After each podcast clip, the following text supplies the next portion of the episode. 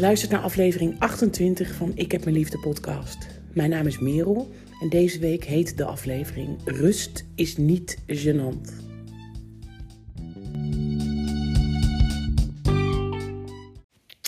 Het is vandaag 23 mei, dinsdag. En gisteren, dus maandag 22 mei, stond er een post op Instagram van Psychologie Magazine. En de post had een quote en er stond: Ik vind het gênant om te zeggen, dubbele punt. Ik kan niet omdat ik rust nodig heb. En dan kon je daarbij aangeven of je het daarmee eens was of mee oneens was. En ik zag ook in mijn timeline een aantal mensen die dit uh, bericht dus posten of reposten.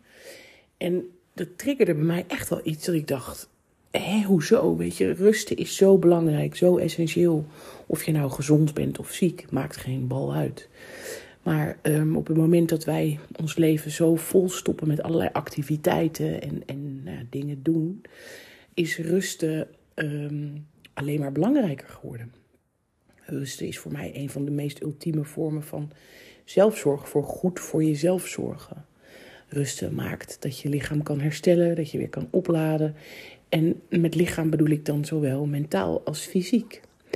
Rusten is gewoon een heel enorm belangrijk onderdeel geworden van mijn dag. En tegelijkertijd, dat moet ik ook wel grijnzen nu, is natuurlijk de eerlijkheid biedt mij te zeggen dat toen ik niet ziek was, of nog niet ziek was, uh, deed ik dit ook niet.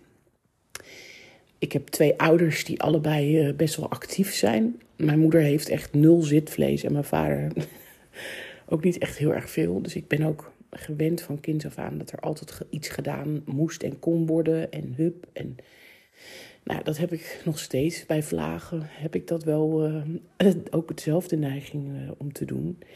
Maar gelukkig heb ik na vijf jaar ziek zijn ook wel echt veel beter naar mijn lichaam leren luisteren. En nou, weet ik ook dat op het moment dat ik wel zorg voor genoeg rustmomenten op de dag, dat ik dingen ook veel langer kan volhouden.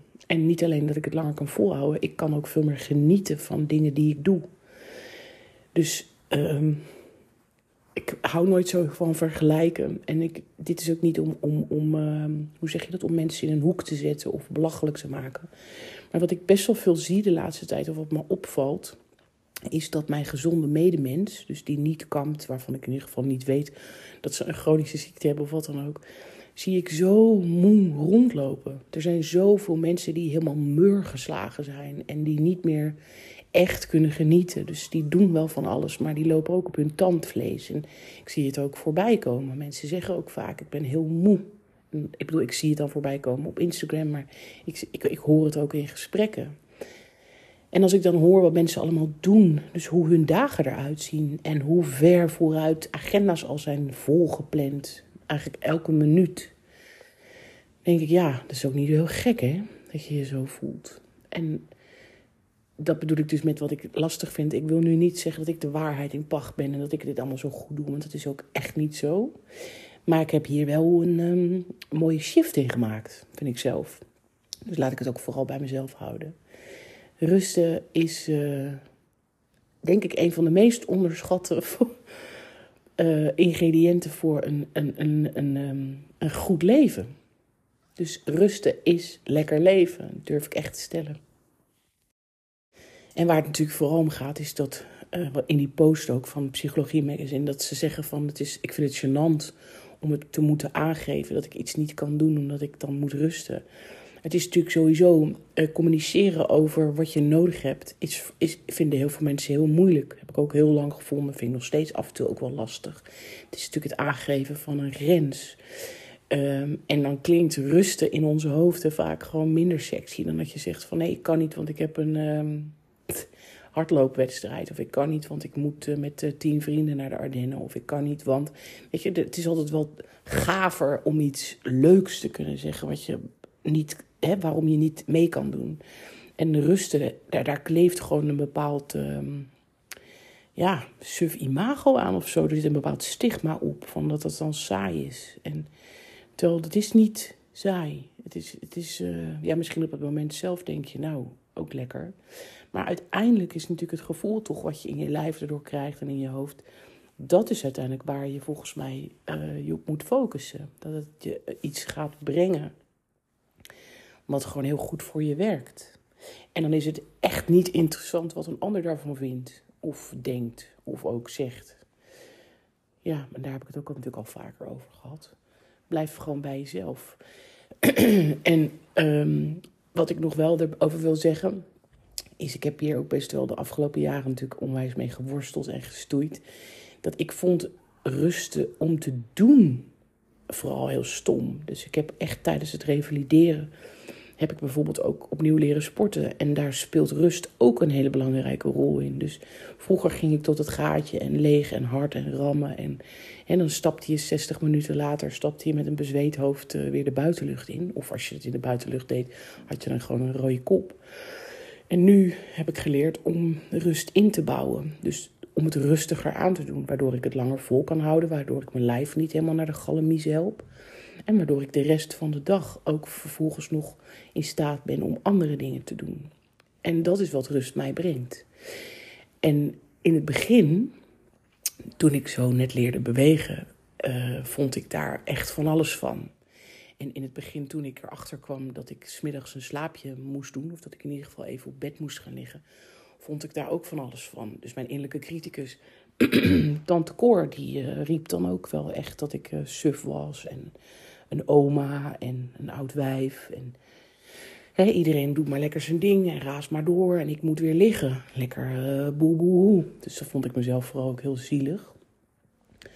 En dan ging ik natuurlijk ook op het moment dat ik dan lag, ging ik op Instagram kijken of ergens anders, of met vriendinnetjes appen of met wie dan ook. En die waren natuurlijk dan altijd iets anders aan het doen. Die lagen nooit in bed. En dan vond ik mezelf ook heel zielig en dan vond ik het ook heel suf. en wat dan ook niet hielp, is als ik dan aan iemand vertelde van... Ehm, ik uh, ga eerder weg, want ik moet rusten. Of ik uh, uh, ga dan even naar huis, omdat ik dan tijd voor mezelf nodig heb. Of ik stop nu, want ik, ik rust. Of ik ga nu ophangen, want ik ga naar bed.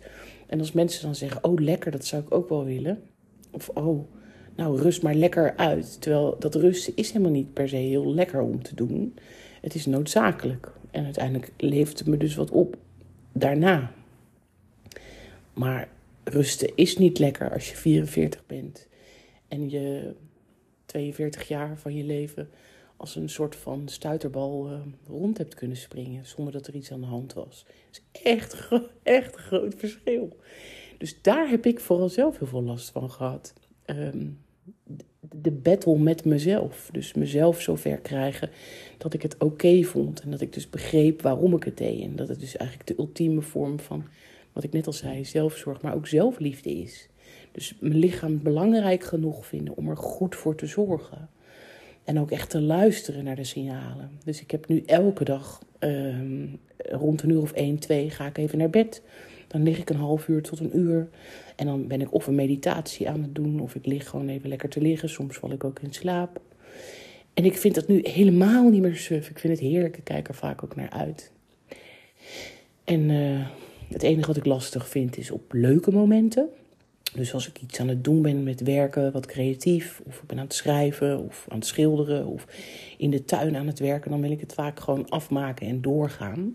En dan vind ik dat verplicht rust tussendoor nemen echt best wel soms nog lastig.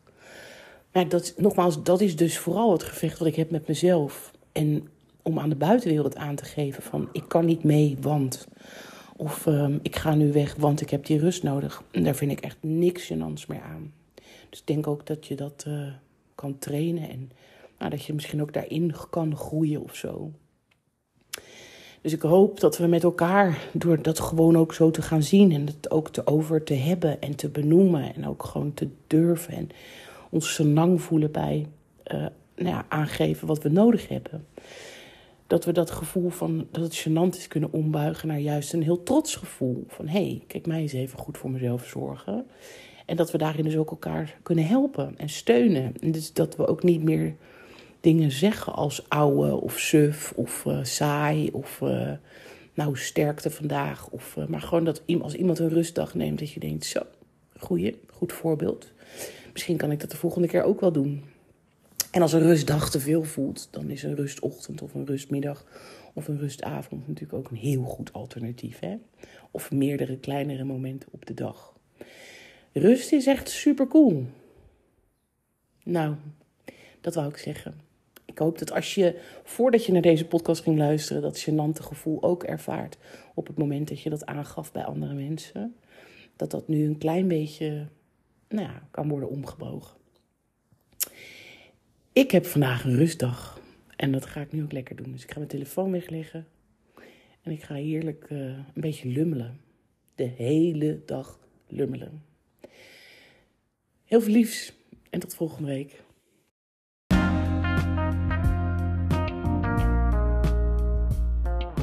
Vond je deze podcast leuk? Dat uh, vind ik fijn. Als je dat vond, wil je hem dan delen op je social media.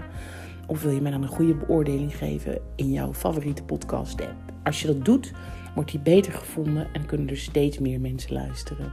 Dankjewel.